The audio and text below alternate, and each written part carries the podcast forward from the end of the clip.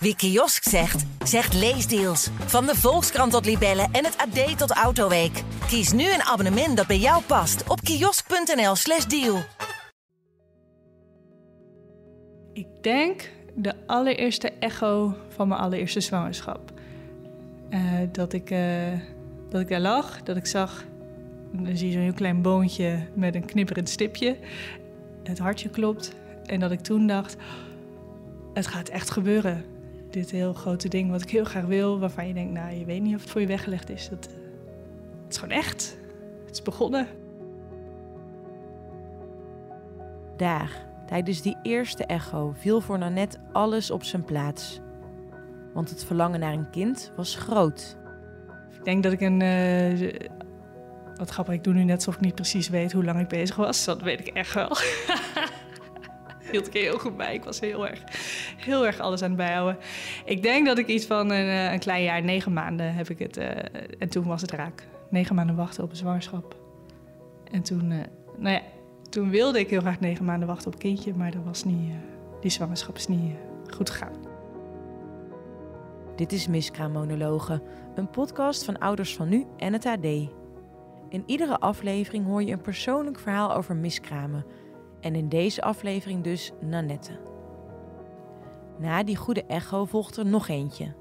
En terwijl haar buik en het vertrouwen dat het nu toch echt gaat gebeuren groeien, ligt ze met 14 weken weer bij de verloskundige om naar het hartje van de baby te luisteren. En ze had al gezegd, als ik het niet in één keer vind, dan geef ik je een echo. En eh, ze kon het hartje niet vinden, hartslagje. Eh, dus toen eh, kwakte ze heel snel die gel op mijn buik en een echoapparaat erop. En toen eh, lag er een kindje heel stil en geen eh, hartslagje meer. Ja, eigenlijk viel de wereld stil of zo daar voor mij.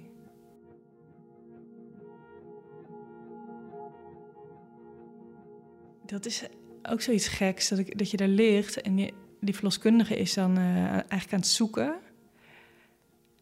Eh, en die bleef stil.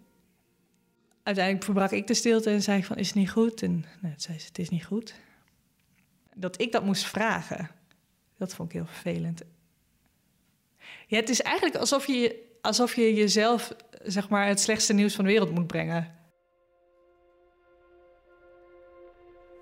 Ik droeg al een zwangerschapsbroek, want ik was nog aan het groeien. Ik, eh, je bent de hele tijd gewoon nog helemaal in de stand van... eh, het gaat hartstikke goed. Ik ben al bijna 15 weken zwanger, zo dat. Voor mij, als je zwanger bent, dan voor het eerst denk je... oké, dit gaan we doen. Wat, wat zou het allemaal... Je hebt geen idee waar je aan begint. En dat is eigenlijk met die misgaan was dat hetzelfde, maar dan heel verdrietig. Dat je geen idee hebt wat voor eh, reis je moet gaan maken daarmee. Eh, ja, en dan heb je niet een, een eh, leuk gezond kind aan het eind, maar moet je gewoon een heel rouwproces door. Wat ik toen echt gewoon niet besefte, maar Nanette besluit af te wachten of haar miskraam vanzelf op gang komt. Het zijn absurde dagen. ik zat de hele tijd op de wc met vergieten. Alles om maar te voorkomen dat ze haar kindje per ongeluk door de wc zou spoelen. Maar na twee weken wachten kan Nanette niet meer. Haar gynaecoloog raadt haar aan de miskraam op gang te brengen met pillen. Die moet ze thuis vaginaal inbrengen. En, eh, maar die, die pillen werkten gewoon. Dus dat is, eh, dat is fijn dat die pillen hun werk deden. Maar, wa- maar wat dat inhield, dat hadden ze me ook wel even mogen vertellen van tevoren. Jongen, jongen. Maar dat is toch bizar. Dat is als in. Eh, dat was gewoon eigenlijk een bevalling die ik doormaakte. En dan hoef je niet een kind van eh, weet ik hoeveel pond uit te persen. Dus wat dat betreft valt het mee. Maar je hebt gewoon weeën. En je hebt geen idee hoe je die op moet vangen. Want ik was nog niet zo ver met mijn zwangerschap dat ik die cursus al had gedaan. Dus ik, ik, ik liep echt door, door het huis. eh, ge- gewoon in stress. Terwijl ik die weeën aan het hebben. Zeg maar allemaal dingen die je niet moet doen. Als je, wat ik inmiddels geleerd heb, is eh, gewoon de pijn als golven door je heen laten gaan. En dat gaat ook weer voorbij. Nou, dat wist ik niet. Ik was gewoon eh, in paniek die, die weeën door te maken. Eh, het, het was handig geweest als ik, als ik ergens in dat proces mijn verloskundige had gebeld voor wat steun. Maar tegelijkertijd dacht ik dat ik het maar gewoon aan moest kunnen. Omdat je met die pillen en niet heel veel uitleg naar huis wordt gestuurd. Mijn man was ook in paniek en ik zei, nou bel dan nu maar de verloskundige. Niet zo rustig zei ik dat niet, maar um, de verloskundige hoorde dat verhaal aan en die zei, nou het klinkt alsof ze er nu echt middenin zit. Dat is, dat is ook zoiets geks. Uh, dus de hele tijd in de weer was met die bakken in de wc en uiteindelijk uh, voelde ik zo, uh, dat, ik lag op de bank, dat vruchtwater ontsnappen, zeg maar. en toen ik, ik had een uh, grote soeppan. uh, en ik dacht, ik, ik dacht, ik moet dat water opvangen of zo. Ik weet het niet. Dus ik ging op die pan zitten, gewoon met mijn broek naar beneden.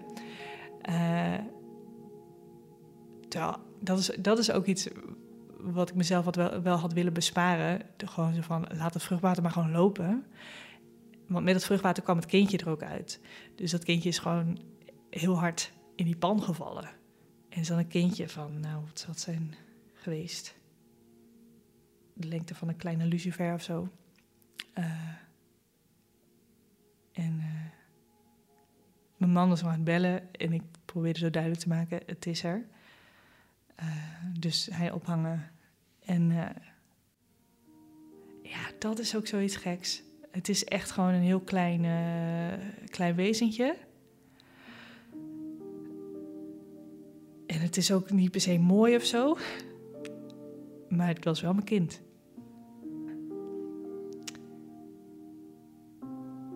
Ja, dat vind ik wel heel bijzonder. Dat het, dus, het was allemaal natuurlijk heel verdrietig, zo'n uh, zwangerschap die misgaat. Maar tegelijkertijd dat je dus zelfs van zo'n uh, klein kindje, echt mini-mini uh, die zeg maar gewoon nog geen neusje heeft, wel wat neusgaten kun je zien, maar uh, wat gaatjes waar de oren komen of hadden moeten komen. Maar dat je daar al zoveel van kan houden en daar al voor wil zorgen. Ik had gewoon een kind en helaas kon, bestond, kon dat kind maar, nou, die nog geen elf weken leven, zeg maar. Maar als dat het leven dan was, dan uh, ben ik blij dat ik het uh, mee heb mogen maken. Ja. We hadden een kistje besteld op prematuurkistje.nl. Dus daar hebben we het ingelegd. En uh, we hebben, er zat dan ook een dekentje bij, dus toegedekt. Een heel klein beertje bij. Nou, uh, beertje erbij. Afscheidsbriefje geschreven. Volgens mij zelfs van onszelf wat haar afgeknipt erbij gedaan. Zodat het niet helemaal alleen is.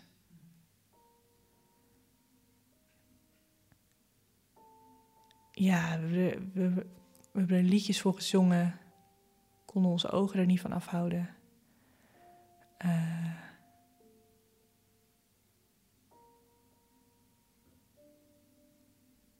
ik had zo dat.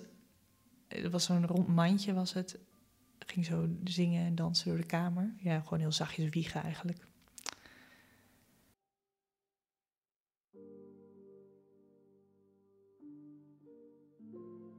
Eigenlijk probeerde ik aan alle kanten het helemaal toe te laten dat hier echt een kind verloren is. Uh, het lastige vind ik daaraan dat ik het ook niet erger wil maken dan het is. Dat is een soort. Uh, maar dat, dat heb ik de hele tijd ook in die nasleep gehad. Ik wilde het vooral niet erger maken dan het was, want dan zou het zo erg zijn. Uh, terwijl in, in die, dat was de hele tijd een strijd in mezelf. Maar die eerste dagen had ik daar eigenlijk geen last van. Heb ik het helemaal kunnen toelaten. Uh, wat ik daar verloren had.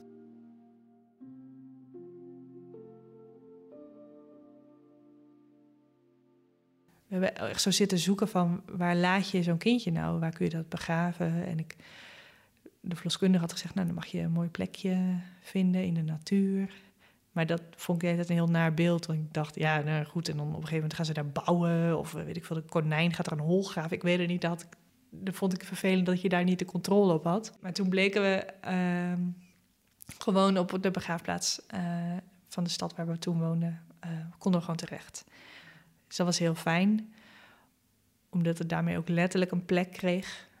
Uh, dus daar mochten we het begraven. Iemand zei erover, als een moeder een kind begraaft, dan gaat het, of een kindverlies, dan gaat het eigenlijk mee naar het dodenrijk en het komt nooit meer helemaal terug. Dat, en naast dat dat heel pijnlijk is, is dat dus ook goed of zo. Omdat er een deel van je is gewoon dood gegaan.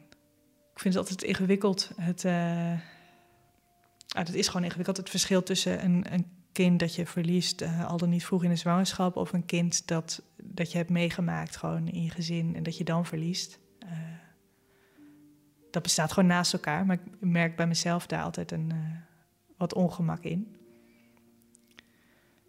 Maar voor mij is het in elk geval zo, ik ben daar mijn kind verloren en was hij mezelf dus ook kwijt of zo op een manier en moest het weer helemaal, moest leren leven ermee. En dat leren leven, dat gaat met vallen en opstaan. Pas als de uitgerekende datum van haar eerste zwangerschap is verstreken, durft Nanette een nieuwe zwangerschap aan. En het lukt. Maar de hele zwangerschap is ze bang haar kind te verliezen. Ik vond het dus heel zwaar en ik probeerde me de hele tijd groot en sterk te houden om me aan te kunnen. En op het eind heb ik mijn therapeut weer eens opgezocht op aanraden van de verloskundige. En toen kwam ik achter, oh, ik moet erover praten. Dat ik het allemaal dat ik me groot aan het houden ben. En, uh, en dat hielp wel. Na negen zenuwslopende maanden volgt de verlossing. Een gezonde dochter. En als ze na een tijdje geland zijn als gezin, groeit de wens voor nog een kind. Ik wil nu, wil ik zo graag alsnog dat tweede gezonde kind, dat ik het nu er ook voor over heb als, als dat betekent dat ik door een aantal miskramen heen moet. En hoppa, in één keer is ze zwanger. En weer lijken de eerste twee echo's goed. Maar toen bij de derde keer een echo, toen zei de verloskundige... ik zie toch echt wel een verdikte nekplooi. Nou technisch, dat kan er dus op wijzen uh, dat het hartje het vocht niet weggepompt krijgt. Uh, dus dat het hartje zwakker is. Dus misschien is er iets groters mis of nee, is er iets mis. Dus toen kregen we een, uh, een gesprek weer met een andere gynaecoloog... die onze eigenlijk letterlijk met staafdiagrammen uit ging leggen waar wij stonden... En van de pech die je kon hebben, zaten wij precies in het midden. Uh, eh, 50% kans op een gezond kind. En 50% kans, tenminste ongeveer zo, op een kind met een handicap. En dat kon dan van alles betekenen. En er was er ergens nog 1% ook kans op feutale sterfte. Daar maakte ik me al niet meer zorgen om, want nu was de grote zorg... oh, ben ik misschien zwanger van een gehandicapt kind? Weet je ineens hoe dat is? Maar eigenlijk was ik het allerbangst voor dat het iets zou hebben wat, uh, wat wel verenigbaar is met het leven, maar dat het leven eigenlijk gewoon alleen maar lijden zou zijn. Daar was ik heel bang voor en ik was heel bang voor wat is dan liefdevoller? Is het dan liefdevoller om de zwangerschap toch te beëindigen of het ter wereld te laten komen? Uh, wat vraag ik van mezelf als ik zo'n kindje ter wereld laat komen? Wat vraag je van een kind? Uh, hoe, hoe kan je leven met. Als je, als je ervoor kiest om zwangerschap te beëindigen, omdat je inschatting is dat dat liefdevoller is, kan je leven met de onzekerheid dat het misschien een vergissing is en dat het misschien toch te doen was geweest. En wat is dan te doen?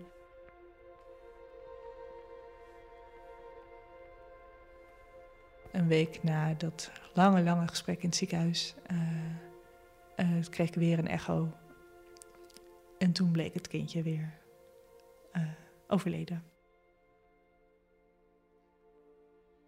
Ook hier was het weer stil, moest ik zeggen. Is niet goed? Het is niet goed. En volgens mij was het eerste wat ik zei: gaan we dit weer doen? Ik wist wel al vrij gauw, ik ga niet weer wachten tot, ik, uh, tot het kind ter wereld komt. Dus uh, ik zou de dag daarna met uh, gynaecoloog bellen. En toen belden we en toen zeiden we van, nou, we willen wat pillen.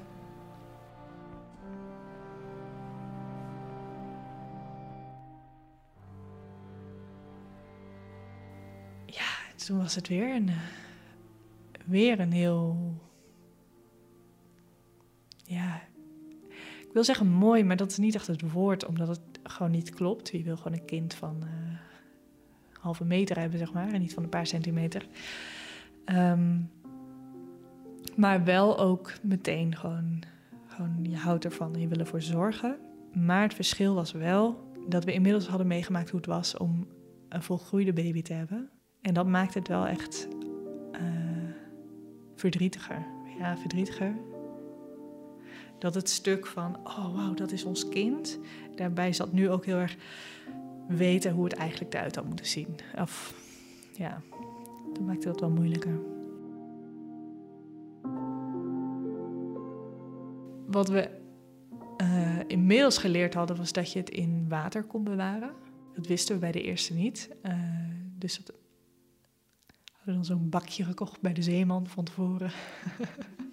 en uh, ja, in de koelkast bewaard.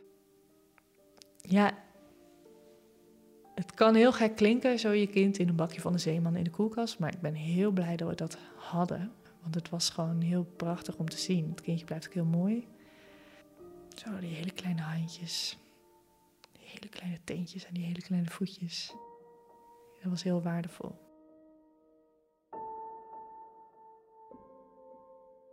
Mijn schoonouders brachten mijn dochter weer thuis. Ze was één jaar, dus ze snapte natuurlijk helemaal niks van. En tegelijkertijd vond het kindje wel heel interessant. Ze wilde het ook steeds zien en ging dan zo naar zwaaien. Ze had, uh, ik had haar babygebaren geleerd, dat je zo met gebarentaal kan communiceren met je kind, ook al kan ze nog niet zo goed praten. Dat vond ik gewoon leuk. Uh, en toen gebaarde ze zo dat het, uh, dat het sliep. Deed ze haar hand op de wang en hoofd opzij. Dat is het gebaar voor slaap.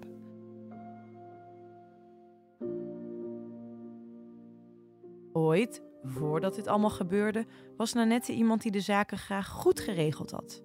Dus ook het krijgen van kinderen. Haar man studeerde toen nog en samen zochten ze naar het perfecte moment voor hun eerste kind. Zo zijn we gaan rekenen en toen zijn we dat gaan doen, maar dat is allebei niet, niet zo. Dat is niet zo maakbaar. Dus het was. En zeg maar negen maanden na het punt was er nog geen kind. En hij had ook zijn diploma nog niet. Dus eigenlijk heeft het alles op de kop gezet.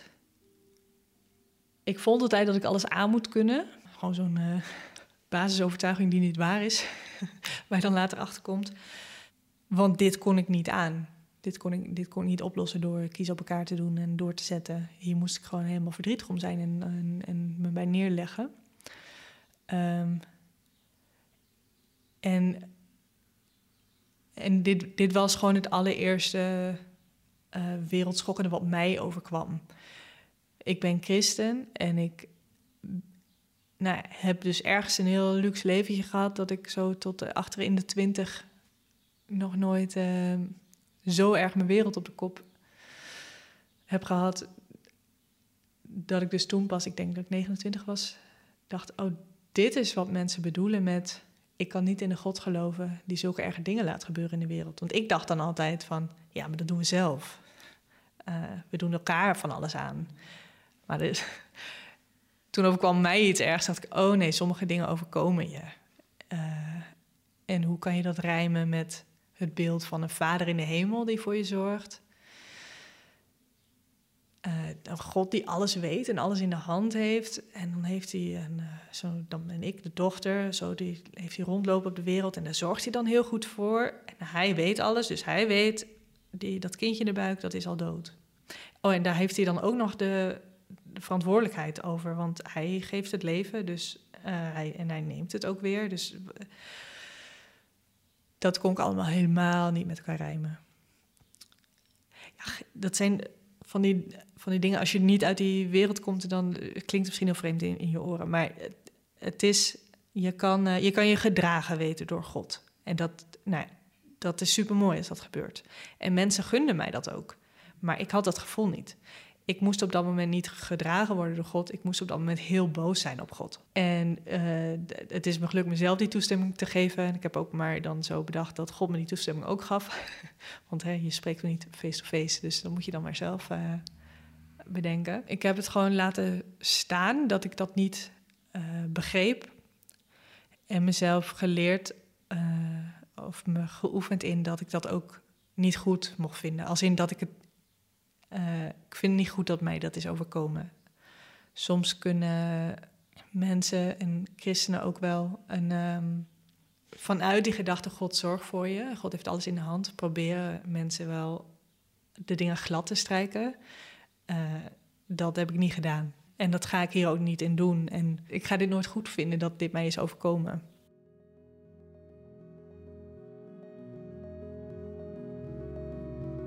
In de weken na haar tweede miskraam zit Nanette thuis. Haar werk als theatermaker en docent ligt sowieso stil door corona. En ze voelt aan alles: dit verhaal moet eruit. Ze begint te schrijven. En toen begon ik wel het op te knappen. Toen waren er weer wat festivals voor beginnende makers. Toen dacht ik, nou, laat ik eens kijken of hier eh, een grappige en een kwetsbare voorstelling in zit. En uh, nou, dat is gelukt. ja, en ik kan er wel zinnen op plakken als, nou, als dit me dan toch overkomt. Dan maak ik er maar wat van. Maar dat is het ook niet helemaal. Het, is, het moest er echt uit.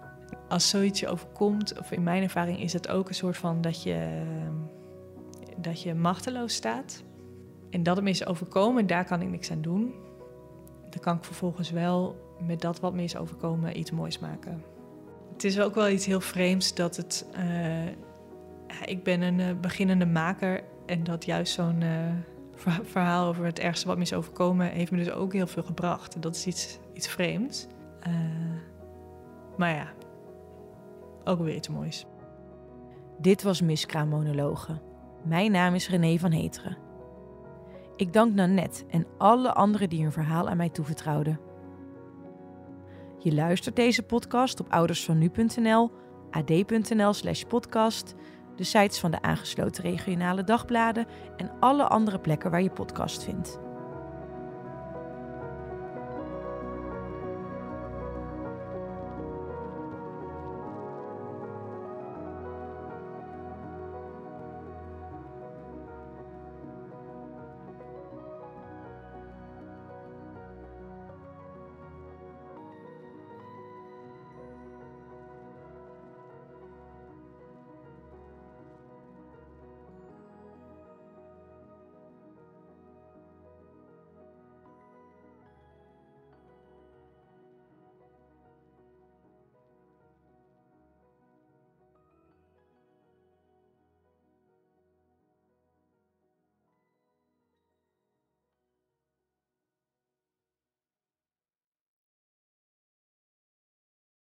Wie kiosk zegt, zegt leesdeals. Van de Volkskrant tot Libellen en het AD tot Autoweek. Kies nu een abonnement dat bij jou past op kiosk.nl/slash deal.